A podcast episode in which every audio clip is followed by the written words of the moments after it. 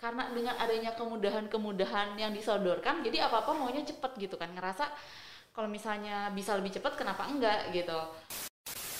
Dan bener juga tadi ada social pressure social pressure kayak oh umur segini kok baru segini? Umur segini kok baru segini? Iya, gitu iya, loh jadi sebenarnya sih menurutku juga dari dari pihak-pihak di luar juga mempercepat dan memperkuat stereotype ini gitu loh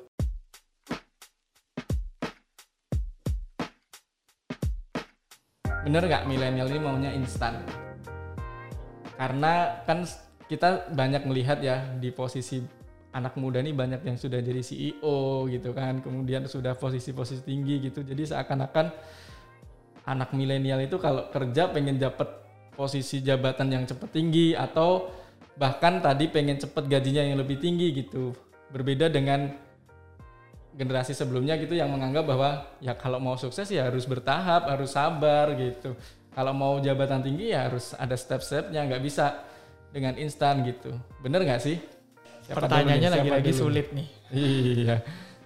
aku dulu deh aku dulu ya udah silakan Monik kalau dari aku ya sebenarnya pernyataan itu ada benarnya kalau aku sendiri Hmm, hmm, karena gini kita pengen yang instan aku tuh eh, mikir misalnya kita mau order makanan atau kita mau pergi ke mana gitu. Karena dengan adanya kemudahan-kemudahan yang disodorkan jadi apa apa maunya cepet gitu kan. Ngerasa kalau misalnya bisa lebih cepet kenapa enggak gitu. Eh, jadi ada poin benernya tuh kayak apa apa maunya instan gitu maunya cepet. Kalau orang dulu kayaknya mungkin eh, lebih sabar gitu karena em, apa namanya belum terlalu terekspos sama kemudahan-kemudahan seperti yang kita rasakan sekarang gitu ya. Cuman kalau misalnya ke eh, konteksnya itu pekerjaan, misalnya mau cepet-cepet sukses jadi punya jabatan tinggi, eh, itu ya enggak juga ya. Maksudnya eh, banyak orang juga yang emang ya apa ya meniti karir dari eh, tempat di mana dia bisa gitu.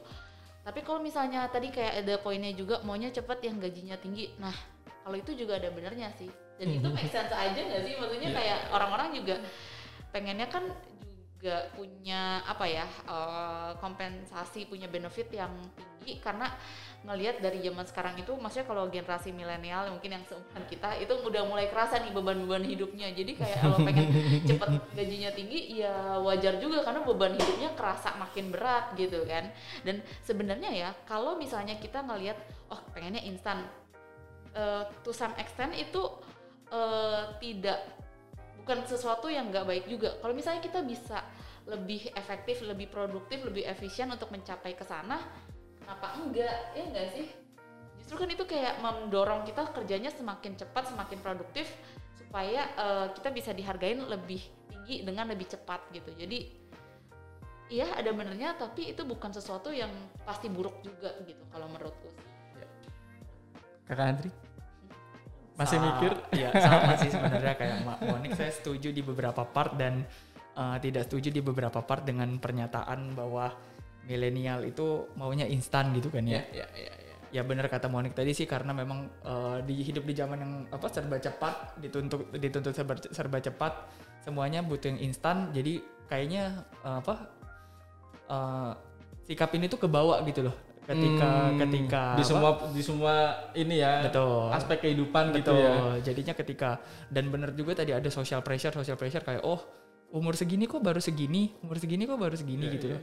Jadi sebenarnya sih menurutku juga dari dari pihak-pihak di luar juga mempercepat dan memperkuat stereotype ini gitu loh. Hmm, Jadinya banyak kayak- faktor yang mempengaruhi. ya. Banyak faktor yang mempengaruhi. Jadi kayak eh, apa social pressure, terus jadi kayak eh, apa menuntut si si generasi milenial juga ya pengennya instan gitu loh.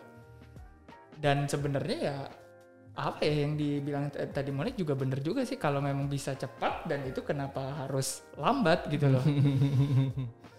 Cuman di beberapa part ya memang kita sebagai milenial juga harus tahu sih bahwa apa ya eh, semua hal tidak apa tidak bisa semuanya instan gitu loh. Ada proses yang harus dihargai gitu loh. Ketika memang ada apa per- eh, melalui proses yang lebih panjang, tentu ba- lebih banyak pelajaran yang eh, kita bisa tahu lah, kita bisa ambil dari proses itu.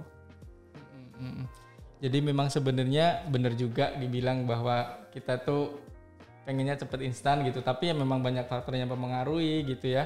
Dan memang benar juga gitu dan karena kebutuhannya banyak, kemudian banyak faktor yang mendorong gitu jadinya ya make sense juga gitu Harga rumah udah mahal kan. betul betul Tiap Karena- tahun naik. Iya, itu itu ada stereotip juga nih, ada stereotip juga yang bilang karena katanya milenial tuh nggak akan punya nggak akan punya rumah gitu. Sepakat nggak nih? Kalau ini ini menyimpang dikit tapi nggak masalah. Coba dibahas dong. Karena tadi aku baca nih di salah satu di salah satu jurnal gitu ada yang ada survei yang mengatakan memang eh, kemampuan milenial untuk memiliki rumah gitu itu jauh berbeda gitu dibanding generasi sebelumnya. Eh, tapi bener sih sebenarnya ke milenial kenapa mungkin bisa apa eh, sulit punya rumah ya karena pertama gaya hidup ya. Hmm. Kadang-kadang kan eh, beberapa yang kadang most of the milenial kan kadang-kadang gaya hidupnya tinggi, penghasilannya nggak setinggi itu. Hmm, Jadi nggak sebanding ya, nggak sebanding. Jadi uang habis memang bukan di saving atau bu, bu- apa bukan buat di di invest hal lain tapi lebih ke eh, untuk memenuhi gaya hidup. Hmm, hmm, hmm. Ya sebenarnya eh, saya pun mengakui mungkin akan susah gitu loh buat si milenial ini mempunyai aset atau atau apa hal-hal lain. Iya karena Ditambah lagi kayak faktor ekonomi juga Iya, harga iya, rumah makin naik Betul, ma- betul, tiap, tiap betul, tahun gitu kan.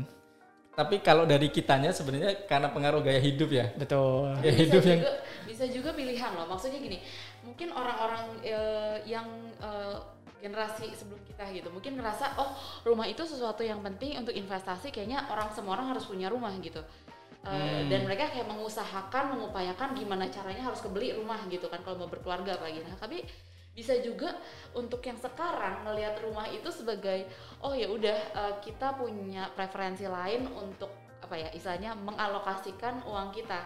Ya kalau misalnya ada yang gaya hidup ya oke gaya hidup. Ada yang mungkin ngerasa oh ya udah nggak apa-apa nggak punya rumah tapi bisa jalan-jalan bisa punya experience de- eh, dengan traveling. Jadi ada banyak juga yang jadi pilihan lain gitu mungkin Ya, ya, itu ya, salah ya, ya. satunya dan tapi sih tetap aja bottom lainnya emang harga rumah mahal.